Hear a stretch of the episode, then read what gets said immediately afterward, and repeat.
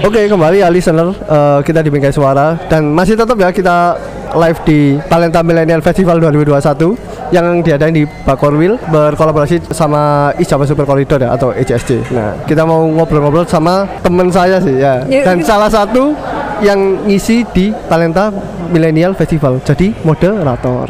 Oke. Iya nggak sih? Bener. Bener ya? Eh, eh, Iya. Salah satunya bener. Salah satunya Heeh. dan juga ngisi di boothnya ya. Iya. Iya ngisi di boothnya. Jadi sekarang kita ngobrol sama Danis Kirana. Hey, halo. Iya. Nyambungnya apa nih listeners ya? Iya listener. Listeners. Hai listeners. Hai listener. Ya. Eh. Yoi.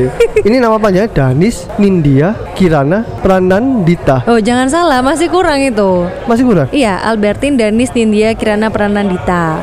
Oke panjang banget ya mbak. Iya, itu sebenarnya nama satu kampung terus disimpulkan menjadi namaku sendiri. Oke. Jadi waktu dulu SMA ini panjang banget. Tuh iya, aku sempat mengalami masa-masa itu nih Mas. Jadi Rizal. A D N Kirana P gitu Iya, nulisnya. iya. Jadi yang penting kan yang tertonjol Danis Kirana kan. Mm-mm. Gitu. Enggak sih. Jadi Albertin. Albertin. Iya, namaku tuh sebenarnya Al- Albertin Danis. Iya, Albertin N- Danis. NP. N NKP. NKP. Heeh. Oh, Oke. gitu jadi memang dari awal apa ya waktu mulai dari SD eh kita uh, ujian urek-urek itu kapan sih SMP ya Iya, ya dari SMP lah. dari SMP ya udah itu mulai nama pokoknya namanya sebenarnya Albertin Danis Heeh.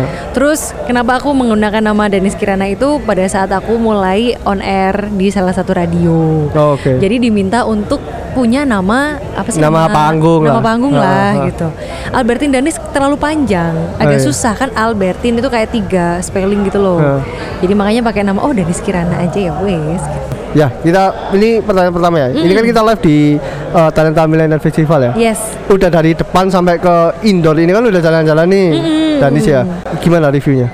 Aku seneng banget karena ini adalah menurutku adalah momen yang uh, pas banget apalagi pas puasa kemudian kita lepas maksudnya pandemi masih jalan cuman kita kan juga perlu untuk uh, apa ya move juga kan tetap uh, membuat teman-teman penggerak ataupun pemilik usaha itu juga tetap semangat. Nah, dengan adanya acara ini aku melihat dari awal tadi dari luar dari outdoor sampai di dalam itu semuanya itu di apa ya ada dalam satu wadah gitu loh Mas Rizal dan difasilitasi nih di Talenta Millennial Festival. Festival gitu TMF, TMF. TMF. Ini luar biasa soalnya nggak cuman dari sektor kreatif aja Hmm. tapi juga dari teman-teman em, yang punya kopi ya kan Hmm. terus juga yang punya eh, kreatif di bidang audiovisual juga kemudian Hmm. ada beberapa stakeholder jadi Ah. semacam apa ya ini ajang yang menarik dan menurutku perlu untuk dilakukan di next event gitu. Di next event ya. Iya.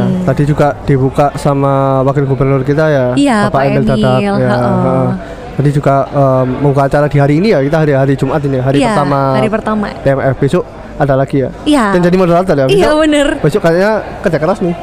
Nggak kok aku senang sebenarnya Hmm. Kenapa kalau misalnya jadi moderator Aku tuh bisa belajar banyak gitu loh Mas Oke, oke. Sekarang Gitu kembali ke Danis Kirana sendiri. Siap. Oke. Waktu kecil nih ya, cita-cita dulu apa sih? Cita-citaku pas kecil Kecil. Aku tuh ingin menjadi Ini, ini em, apa ya mungkin di zaman tersebut itu aku nggak tahu kok tiba-tiba aku terbesit ingin menjadi seorang eksekutif muda Eksekutif muda itu spesifiknya apa? nggak tahu pokoknya kerja di kantor Oke. terus aku punya pokoknya aku punya kantor sendiri aku jadi pimpinan di sebuah kantor Oh, jadi Itu- bos, bos cewek lah Bos cewek. Keren gitu kan ya. Iya, Iya itu sih? pas awal-awal pas kecil itu itu tuh cuman dulu pernah aku pengen jadi seorang pembaca berita Oh, news anchor. news anchor Oke. Kenapa aku suka ya? Karena lucu aja gitu kan gemesin, terus orang-orangnya Gemesin? tampil- Iya. Padahal serius loh dia. Iya, karena mungkin aku tuh ngeliat orang itu menjadi seseorang yang menyenangkan, gemesin Oh, itu oke. karena mungkin cara dia ngomong, cara dia menyampaikan sesuatu, bukan cuma dari wajah doang Hmm. Nah, gitu. Berarti dari awal udah interest sama profesi yang serius. Ya, contoh tadi kayak jadi eksekutif gitu. ya. Iya. Yang serius-serius Aku yang baru sadar loh. eh, gini ya. Gitu ya kayak gitu. Iya. Tapi cewek tapi yang tegas gitu ya. Ah, ah, ah. Lebih Iya. interest gitu. Eh, gitu ya. Bener makanya itu Mas Rizal aku baru sadar loh pas kamu ngomong ini Iya juga ya Kok dari dari dulu kok aku kok Itu malah gemes ya. Iya menurutku kayak sesuatu yang membuatku apa ya Ih gemes Eh, Gemes itu kayak gimana sih? Ngefans, Ngefans. nge- gemes, eh, terus kagum gitu ya. kagum gitu. Oke. Heeh. Pingin jadi yang kayak eh, jadi cewek tapi yang berkarir gitu. Iya. Gitu ya. Bener. Berkarir tinggi. itu waktu SD. Waktu SD. Oke, terus akhirnya sering berjalannya waktu Hmm. ke modeling. Aku nggak pernah tuh modeling Eh, tapi kok jadi anu ya? kayak duta wisata Duta, gitu duta, ya. Jadi ceritanya kenapa aku menjadi seorang duta wisata satu tujuanku adalah memperluas network Oke. networkingku karena pada saat itu em, kelas 1 SMA Huh. aku kan eh, waktu itu menjadi apa ya seorang an- seorang siswa lah Hmm. tapi sebelum sebelumnya aku udah udah banyak ikut kayak eh, pertemuan se Asia Tenggara se Asia kayak gitu gitu Hmm. udah ikut terus pelatihan radio yang sebenarnya harusnya diikutin anak usia minimal 17 Hmm. tahun aku di usia 14 tahun udah ikut Oh, pelatihan radio Republik Indonesia RRI waktu Oh. itu Seru-seru sih ya dia ya. Masa Makanya kecil itu ya. aku baru sadar Iya Iya juga sih? ya heeh. Nggak happy-happy banget ya. Malah seru-seru yang diikutin ya. Tapi itu aku happy Oh happy ya? Happy Oh iya karena mungkin dari kecilnya li- lihatnya itu doang ya. Iya. Acuannya itu ah, oh yang menjadi kayak kayak gini wanita kayak gini yang aku mau nih. Bener Gitu ya? Nah makanya pas kelas 1 SMA itu kan Galak berarti ya waktu kecil. tegas aku Oh tegas. Tegas Tegas sama galak itu Beda Beda lah. Kalau galak itu kadang nggak ada alasan Kalau tegas itu karena dia punya alasan Kenapa dia harus tegas Oh gitu gitu ya. Tadi tadi di, ditakutin enggak sih? Oh, Oh iya? Sekiranya lagi gitu. Jangan kita kita kata apa dimarahin nih gitu. Oh iya bener loh Aku tuh kalau misalnya pas jadi Mungkin perwakilan organisasi apa gitu ya Entah itu yang di gereja Entah itu di sekolah Kan aku jadi leadernya Hah. Mas Eh, Entah itu jadi ketua sekbid apa di OSIS waktu SMP Iya. Oh, saling balik balik kalau apa-apa siapa yang keluar Danis gitu ya. Lu ya? Iya. Bener. Heeh. Koordinator siapa Denis kayak gitu-gitu. Iya. Soalnya aku tuh lumayan bisa apa ya? eh, kalau ngomong kontrol ya kontrol sih. Jadi teman-teman itu ketika aku ajak sesuatu tuh mereka manut gitu loh. Nggak karena takut mungkin ya. Gitu. Aku agak-agak tegas itu tadi. Gitu. Mm-mm. Oke. Nah, kelas 1 SMA itu kan eh, ayahku meninggal. Hah. Aku mikir, wah ini kalau misalnya aku tidak melakukan sesuatu, aku nggak bisa kuliah. Hah. Jadi apa yang aku lakukan? Berarti aku harus memperluas networking, aku harus punya duit sebelum lulus SMA bla bla bla. Hmm. Apa yang harus dilakukan? Terus aku ngeliat kakak kelasku, dia ikut duta wisata waktu itu di Jokororo Kabupaten Malang. Hmm. Nah, ya udah, aku pingin. Terus aku sadar diri, kayaknya bisa nggak ya? Iya, kan basicnya itu kan sebenarnya modeling kan. Eh, ya har- dia harus kayak Iya, iya. beauty brand. Beauty- beauty kan. Iya, beauty. Tinggi badan. Iya, dan you know what, Mas? Aku tuh orangnya nggak suka yang pakai rok. Aku nggak suka pakai sepatu cewek, nggak Hmm. suka banget. Oke. dan akhirnya mau nggak mau kayak di akhir pulang sekolah gitu aku latihan pakai high heels Oh, sendiri oke. sampai sore gitu aktivitasnya banyak aku jadi koordinator paski Hmm. aku di osis juga jadi koordinator si 8 Hmm. aku jadi marching band jadi eh, Gita Pati Hmm. jadi pimpinannya juga ya galak-galak gitu ya orang bilang Hmm. galak ya berarti Iya. ya kayak gitu Oke. Tapi secara circle sehat ya? Atau mungkin enggak biasanya gitu-gitu kan dalam tanda kutip orang mikir ambis kan. Wah, ini kayaknya orang-orang ambis nih gitu. Thanks God-nya itu ternyata teman-temanku sampai sekarang itu tidak melihat aku sampai seperti itu. Oh, gitu. Aku sempat kayak tanya gitu. Ya ini kita ngomong usia SMP, SMP, SD, SMA lah ya. Iya. Gitu-gitu kan masih ya, orang masih pandangannya kan nggak terlalu luas kan. Iya, aku waktu itu mikirnya Namanya wah nggak asing nih orang ini gitu. aku bodo amat sih ya waktu itu karena kan aku punya tujuan. Tujuanku adalah yaitu aku mau jadi Denis yang bukan Denis sebagai Yang- anak kepanjen biasa gitu. Oh, oke. Aku kan anak kepanjen Iya, kan iya. yang sering diremehin Ha-ha. anak desa gitu kan. Cuman aku nggak mau jadi orang biasa. Dan waktu itu aku tidak kepikiran bahwa apakah teman-temanku suka atau enggak. Hah. Tapi itu akhirnya terbukti gitu loh. Eh, jadi sampai sekarang tuh pun kalau misalnya ke SMA ataupun ke SMP tuh orang-orang tuh tuh lomba Denis. Oh, iya. Jadi mereka tuh Oh, bukan berprestasi ya. Berprestasi. Ya, eh. Yang kelihatannya tuh prestasinya bukan ambisnya. Iya. Gitu ya, Oke. bersyukur sih mas. Bersyukur ya. Oke. Oke. Nah, ya, tadi lanjut dari eh, SMA ke mungkin Roro terus laki itu gimana? Jadi memang pada saat aku masuk di dunia duta wisata itu, em, aku harus menjadi sesosok Danis yang lain. Iya benar. Iya nggak kan? Hah, Aku tuh anak anak basket, Mas. Ha-ha. Aku tuh eh, koordinator untuk sepak bola sekolah. hah. Ya kan you imagine kalau aku tuh nggak suka banget pakai hal-hal yang perempuan. Iya, iya. Bahkan aduh muka aja juga ya begitu-gitu aja gitu Iya, loh tapi kayak, salah satu "Uh." salah satu syaratnya ingin ke arah situ kan harus ya harus menjadi wanita yang wanita Ya, gitu bener. Salah Selain smart satunya- ya, selain smart. Ya, salah satunya adalah cara duduk. Tadi itu. Jadi aku belajar banget untuk duduk seperti sekarang gitu. Table manner gitu kan Table manner, ya M- mungkin Mas Mas Rizal kalau sedikit sadar kalau aku pas lagi duduk tiba-tiba aku nangkring ya itu sebenarnya sosokku yang sebenarnya. Iya. ya itu ya untuk demi ini ya, ya kan profesional ya. Akhirnya profesional. Gitu. Oke, tadi dari eh ya dari duta-duta tadi ya. Ya, Itu eh, S waktu kuliah atau SMA? SMA, Start SMA ya. SMA. Start Sampai kuliah. kuliah semester awal. Semester awal. Oke, balik Ah, lagi ya. mungkin ke tahun kali ya. Ke tahun. Aku mulai ke- kegiatan duta wisata itu pokoknya kegiatan semua duta itu 2006. Hah, Aku selesaiin semuanya itu 2010. 2010. Cuman 4 tahun. Tujuannya networking emang. Networking. awal. Oh. Networking terus yaitu skillsku tak naikin, Hah. organisasi. Hah. Tapi tujuan utamaku networking. Tujuan utama networking ya. Oke, berarti masuk ilmu komunikasi itu pilihan sendiri kan? Pilihan sendiri. Oke, udah tahu ya mau ke mana arahnya. ya? Sudah tahu dari SMP. Oh, untung aja ya. Berarti nggak nggak yang apa ya? Aduh, bingung kuliah mana? Yang penting kuliah lah. Gitu. Nggak ya? Enggak. Karena memang dari dulu Mas, aku sempat pengen banget bekerja di Toyota Astra. Pengen menjadi Loh, marketing Aku dulu aja Aslan. Toyota Astra ya kan? Oh ya? Aku Astra Group. Tapi Oh. ya Astra Group lah kan Astra banyak tuh. Ada Toyota, ada Yuti, ada segala Iya macam. iya iya, aku tuh pengennya di. Toyota. Oh, di Toyota. Iya. Specifically Toyota. Specifically. Apa ayo? Kenapa? Kenapa, ayo? Karena em, informasi dari tanteku pada saat itu tanteku kan juga ada teman yang kerja di situ. Katanya akan dikuliahkan di Jepang. Oke. Ada ada pembelajaran yang akan aku tempuh terus mungkin prestasinya eh, apa ya istilahnya kayak eh, karirnya juga bagus. Hmm. Ya aku ter brainstorm itu terus aku pingin banget untuk mengubah sesuatu lah dari hidupku gitu.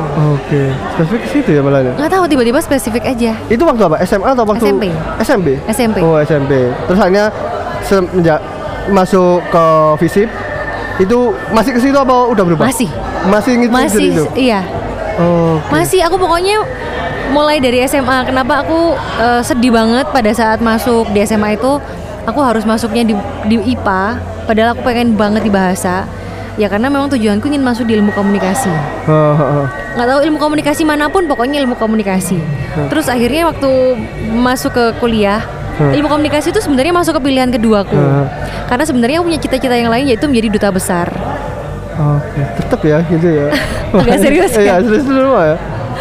Iya mas, aku tuh Iya. pengen hidup itu keliling dunia gitu loh Heeh. dari negara ini. Iya. Terus anakku Iya, enggak, enggak padahal kalau gitu. ya kenal Dani sendiri ya, kayaknya enggak terlalu serius banget ya. Ya enggak, kalau maksudnya bawaannya fun kan. Ya, aku Iya. aku mengubah itu mas, karena ternyata uh, aku baru sadar sama pasanganku bilang kamu jangan terlalu serius. Aku tuh orangnya sangat-sangat serius sebenarnya. Oke. Aku sangat menghargai orang yang menghargai waktu. Aku sangat mencintai orang yang menghargai komitmen.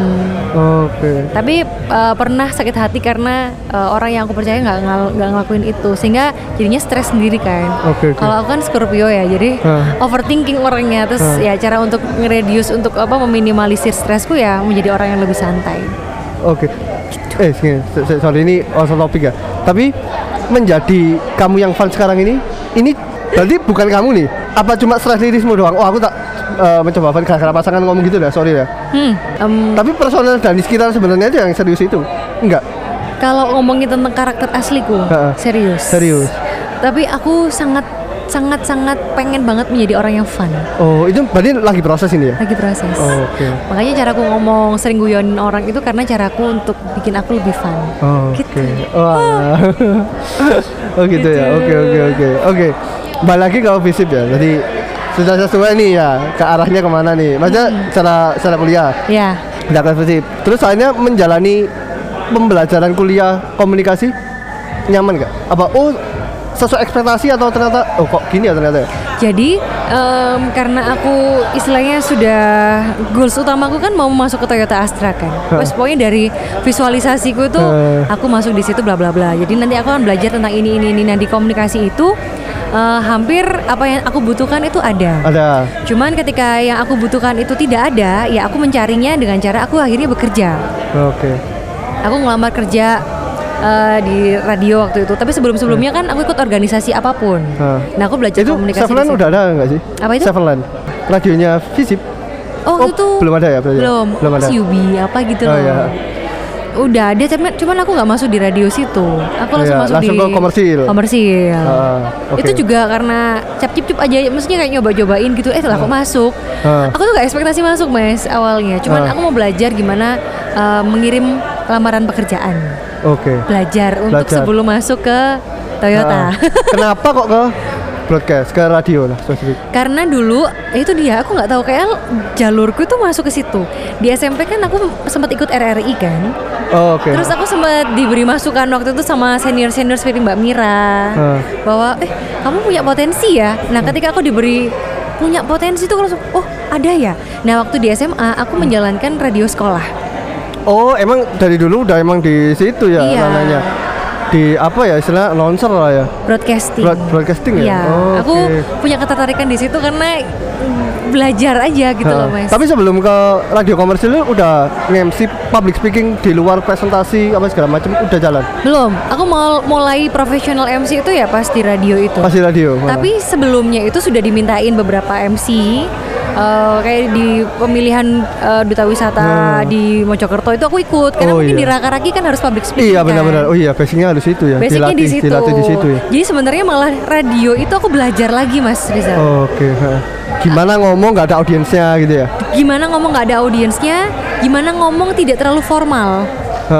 Aku tuh sesuai mengalami segmen kan ya? Iya, sesuai segmen. Anak muda kan ya segmennya? Iya. Hah. Aku tuh orangnya kaku banget kan. Iya kan Jadi tadi awal tadi kan formal banget gitu News anchor kan pandangannya news anchor kerja di ini wah formal sih. Iya, dan aku sempat di salah satu TV juga.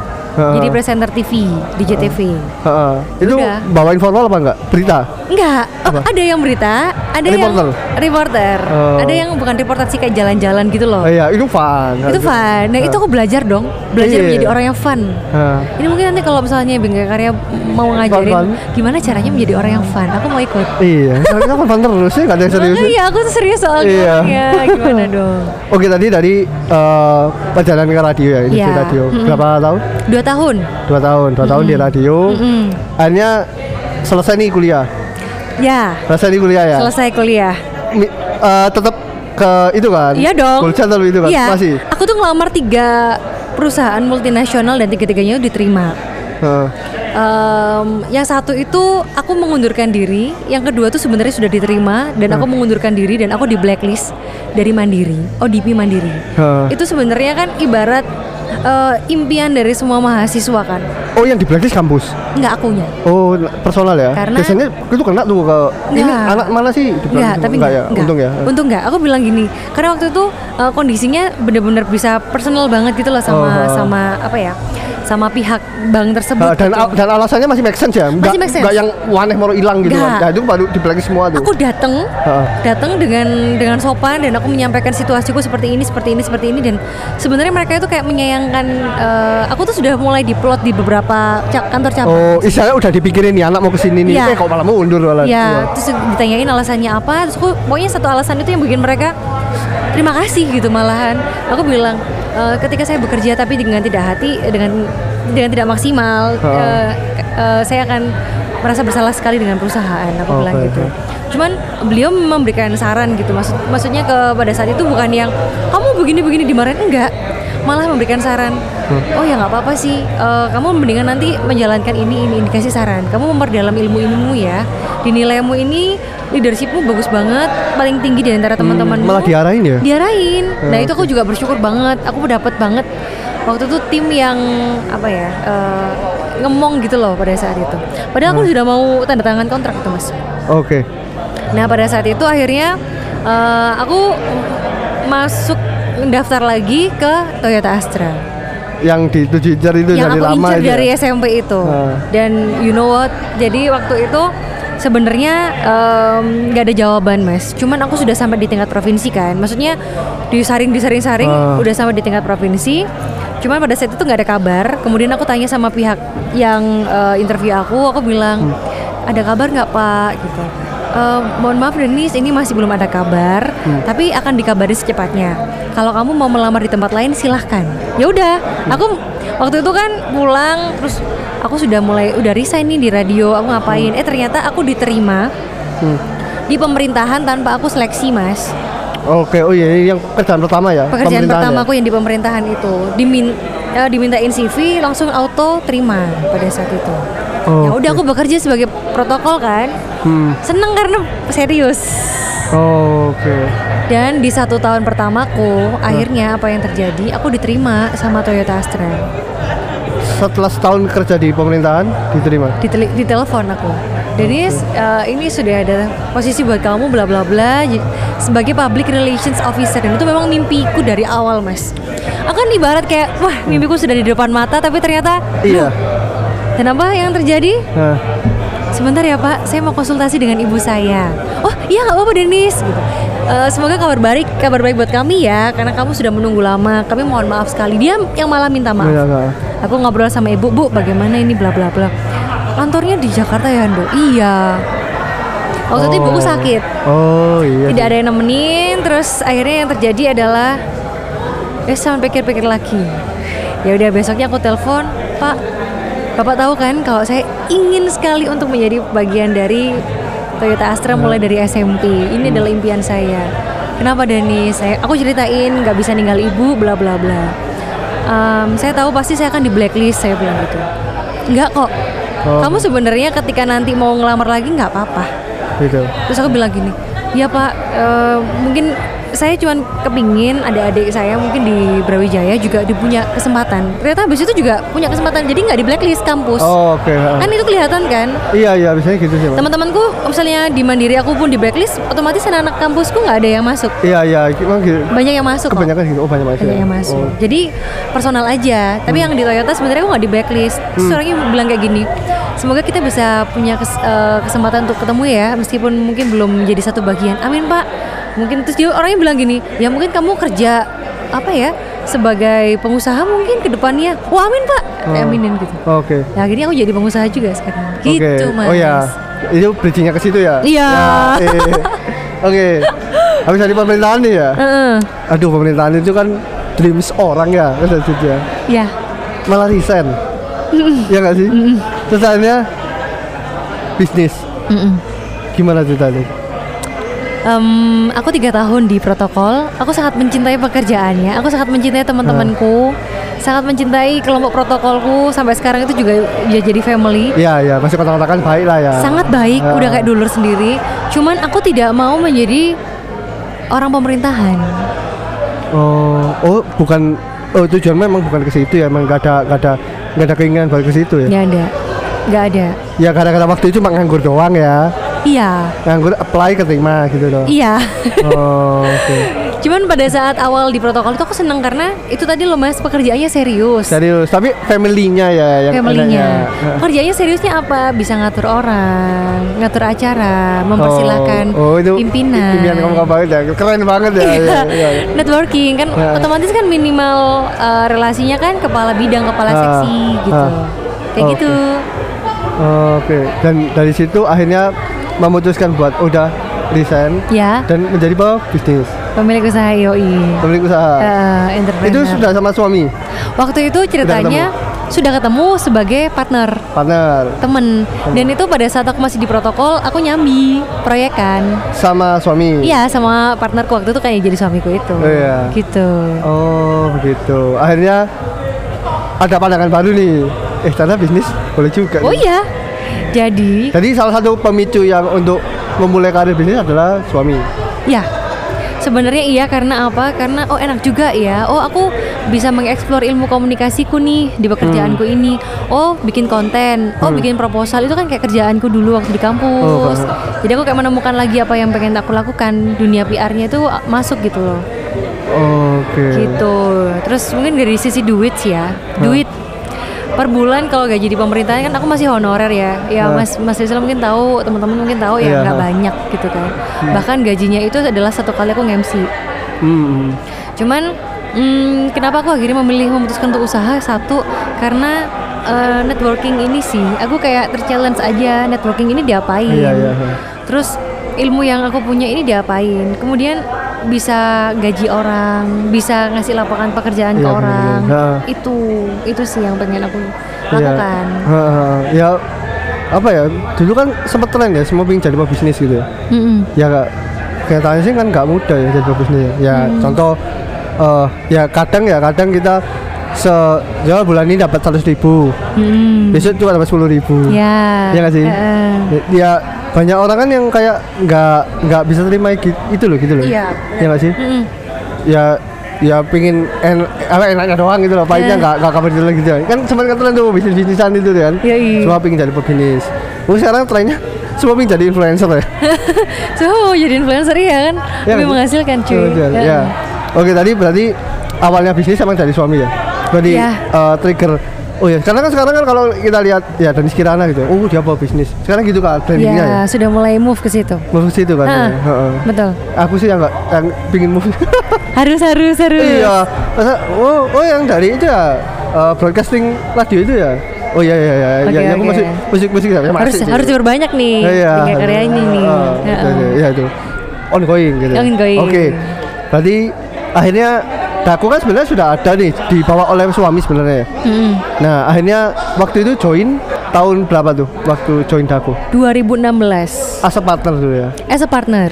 Oke. Karena dia sebenarnya sudah punya ya atas nama Dako juga, Hah. cuman bidangnya kan di kreatif. Hah. Nah pada saat aku masuk kan dunia eh, bidangnya juga masih di kreatif. Hah. Cuman di 2017-18 itu akhirnya kita move ke digital. Oke. gitu ya kreatifnya ya bikin desain bikin kalender kan kalau proyek pemerintahan kan bikin kalender Ah. bikin leaflet pamflet Oke, terus ha. bikin brosur, Brosur, bikin buku block note itu yang kami kerjain Oke. event event pertama itu juga di tahun yang sama aku masuk itu karena udah kenal juga kan Hmm. sama enggak sih aku kenalan waktu itu sih tapi cocok dan Hmm. akhirnya setiap tahunnya Hmm. itu akhirnya juga sama salah satu instansi tersebut Hmm. gitu untuk handle di bidang kreatifnya Oke. Berarti dulu ngelamar ya di Daku ya? Apa dari suami yang akhirnya narik ngobrol ngobrol? Ngobrol Berarti dulu pertama kali ketemu di gereja kan? Iya. Ya acara gereja ikut tahu Ah, aja sih ada iya. ih bener jadi ada acara gereja itu acara Natal bersama yang isinya tuh orang-orang pengusaha bukan pengusaha sih eh, pekerja muda Hah. kan aku kan Katolik kan jadi pekerja Hah. muda Katolik pertama kali ketemu dia ya ketemu biasa kayak Tapi belum bel- ya masih ketemu-ketemu iya kayak doang. temen biasa. Terus akhirnya kontak-kontakan ngobrol-ngobrol. Tahu tuh pebisnis sudah. tahu dia dia punya usaha nih gitu. Usahanya tetap sempat drop kan? Ah. sempat rugi ratusan juta dan lain aku tertantang oh kamu ngapain aja kerjaannya? Gini gini gini. Terus aku juga pengen nih. Pengen rugi. enggak aku pengen pengen punya kerjaan. Proyek kan dia ceritain oh aku kalau misalnya untung sekian. Oh lumayan ya. Wah berapa kali lipat gajiku ya gitu. Kita kan mikir kan kan pengen nyenengin Eh, ibu Iya, tapi kan udah dikasih tahu fear-nya ya, Tahu, ketakutannya tahu, tahu. yang logis segini gitu. Iya. Atau malah tertantang kan ya? Tertantang ya, iya, kan? iya. Itu Basicnya kan loh. serius. Iya. basicnya serius sih Heeh, iya bener iya, juga ya heeh. ya juga kalau misalnya aku takut aku harusnya mundur ya Iya. Enggak sih maju Iya. Ini aku tertantang itu Iya, biasanya orang kan pengen jadi apa ya? Jadi contoh dari bisnismen atau jadi owner atau jadi founder segala macam kan. Ya di cekokinya masih manis. Jadi founder kita free time gitu kan. Kita bisa gini. aku nggak dapat itu malah Iya, harusnya kan ya emang imbang ya. Iya. Ya manisnya iya, pahitnya iya, biasa mama pemakan. aku baru dapat dapat info kalau pengusaha tuh bisa punya banyak free time itu ya pas aku jalan mas Haha. jadi sebelumnya ya aku dapetin adalah tantangannya kayak gini kan aku suka banget dikasih tantangan ya Iya. Serius, Tantangan kan ke- serius. Iya, ketemu orang ini, ketemu orang ini, terus bikin orang ini mau kerjaan ini, lang- la- eh, lakuin ini, gitu-gitu. Ya udah, terus kayak ngobrol-ngobrol, ya aku mau dong income. Ayo, Hmm. kamu punya relasi siapa? Ya, aku relasinya di instansi. Hmm. Ya udah, akhirnya Oh, kayak ngelis instansi apa yang kamu kenal baik, tak list banyak juga ya. Coba kita tawarin, apa aja yang bisa dikerjain? Cetakan dulu yuk, nawarin, bu. Pas lagi tugas gitu kan, Oh, ya, lagi masih masih di protokol juga. Bu, saya juga punya usaha kreatif, Bu. Tak ceritain. Ha. Nyeles, nyeles. Nyeles, ya Nyeles. Oh, gitu ya, Mbak Danis. Kalau sama Mbak Danis kerjaannya kayaknya beres ya udah sama Mbak Danis aja gitu. Oh ya, udah ya tahu anu ya personalnya bagus Mungkin ya. pada saat di protokolnya ngerti kerjaannya Ya, ya, gimana kali ya. Ya udah, terus Dan lebih dipercaya. trusted lah, lebih trusted. Mungkin ya mas, terus ya sudah, abis itu ya kok, kok cocok dari sisi harganya, kok cocok dia oke, Hasilnya ya jalan. oke. hasilnya oke, Oke. terus mungkin servisku juga datang ah. ngobrolin, ngasih edukasi gitu-gitu, Oke, dan akhirnya ya sampai sekarang ya. iya, Sampai sekarang pun ya akhirnya ya fun aja ya.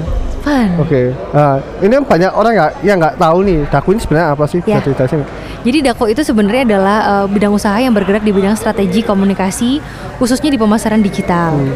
Nah, untuk pekerjaan di dalamnya itu kita handle mulai dari government, ada namanya Dako for Government itu memang spesialis untuk government. Kita udah tahu pola-polanya mereka kerjaannya gimana, maunya kayak gimana.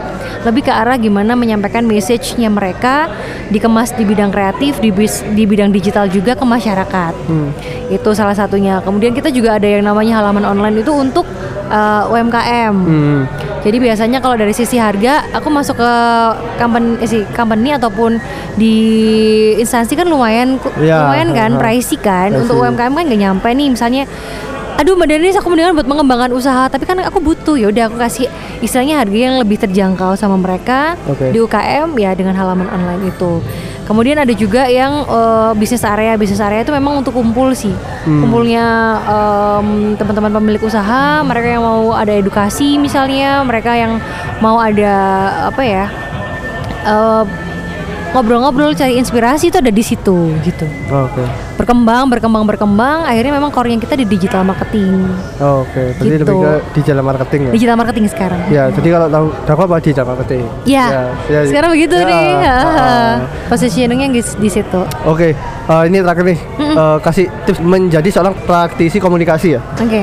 Okay. Bagaimana tuh? Oke. Okay Uh, jadi ini nggak cuma buat anak-anak lulusan komunikasi aja hmm. atau mereka yang mau masuk di dunia komunikasi ataupun mereka yang suka banget di dunia entertainment enggak. Jadi komunikasi itu sebenarnya adalah core dari semua ilmu hmm. menurut saya ya. Yeah. Karena yang saya pelajari pun di kampus ya termasuk ilmu komunikasi dengan keluarga, hmm. komunikasi dengan bisnisnya, hmm. komunikasi dengan sosialnya, komunikasi antar manusianya, komunikasi dengan diri sendiri, komunikasi pemerintahan, komunikasi politik hmm. core-nya ada di komunikasi. Jadi komunikasi itu tidak sebatas cara berbicara saja, tapi bagaimana kita itu sebagai komunikator, orang yang menyampaikan hmm. pesan, itu bisa menyampaikan informasi-informasi yang sesuai untuk komunikan atau orang yang kita ajak ngomong. Okay. Jadi menurutku uh, sebagai semua di bidang apa pun, kerjaan apa pun, mulai pekerjaan ibaratnya ibarat kerjaan kantoran ataupun mungkin kerjaan lapangan semuanya butuh komunikasi. komunikasi. Hmm. Jadi ayo mulai dilatih cara berkomunikasinya. Mulai uh, komunikasi antara kamu sendiri dengan dirimu. Hmm. itu kan penting pada saat mungkin stres ataupun yeah, mikir yeah, banyak. Bener. kamu belajar ngomong ngomong ngomong apa adanya sama dirimu. Kalau ngomong sama orang ya kamu nata omongannya kayak gimana pesannya apa terus cara menyampaikan yang nyaman gimana. Kamu juga lihat orang yang kamu ajak ngomong itu orangnya butuhnya yang seperti apa. Jadi tidak ada alasan orang akhirnya bilang aku tidak jago komunikasi semua orang dari lahir itu sudah berkomunikasi baik verbal hmm. maupun non verbal kan yeah, huh. jadi ayo dilatih gitu karena ini adalah uh, kunci utama dari semua bidang gitu oke okay. okay, berarti uh, komunikasi adalah ya mungkin kalau di sisi aku sama kayak ekonomi ya yeah. bisa dipakai buat segala sektor apa pun ya. Ya betul. Ya, benar. Uh, ya kalau kita belajar ekonomi dari ekonomi pribadi, ekonomi keluarga, ekonomi yes. kan harus bisa tahu ilmunya kan bisa di-apply buat betul. Apa pun. Oke, mungkin segitu dulu ya Mbak. Terima kasih Mas Thank Rizal. you banget. Ya, Banyak kita banget. oh ya, kita ngikutin lagi ya kita live di Talenta Millennial Festival ya. Yes. Ya, yang dadakan di Pakorwil 3 Malang mm -hmm. berkolaborasi sama ICSC. Yes. Oke, segitu dulu ya. Ini udah mendekati jam buka ya. Iya. Ya kita berbuka. Kita buka dulu yuk. Oke, thank you listener. Uh, ya nanti kan ya kita ngobrol lagi sama siapa yang ada di TMF ini. Ya nanti pantengin aja ya. Kita todongin lah siapa pun yang Siap. ada di sini. Thank you Mas Rizal ya. Sukses meningkat karyanya. Yuk. Dadah. dadah.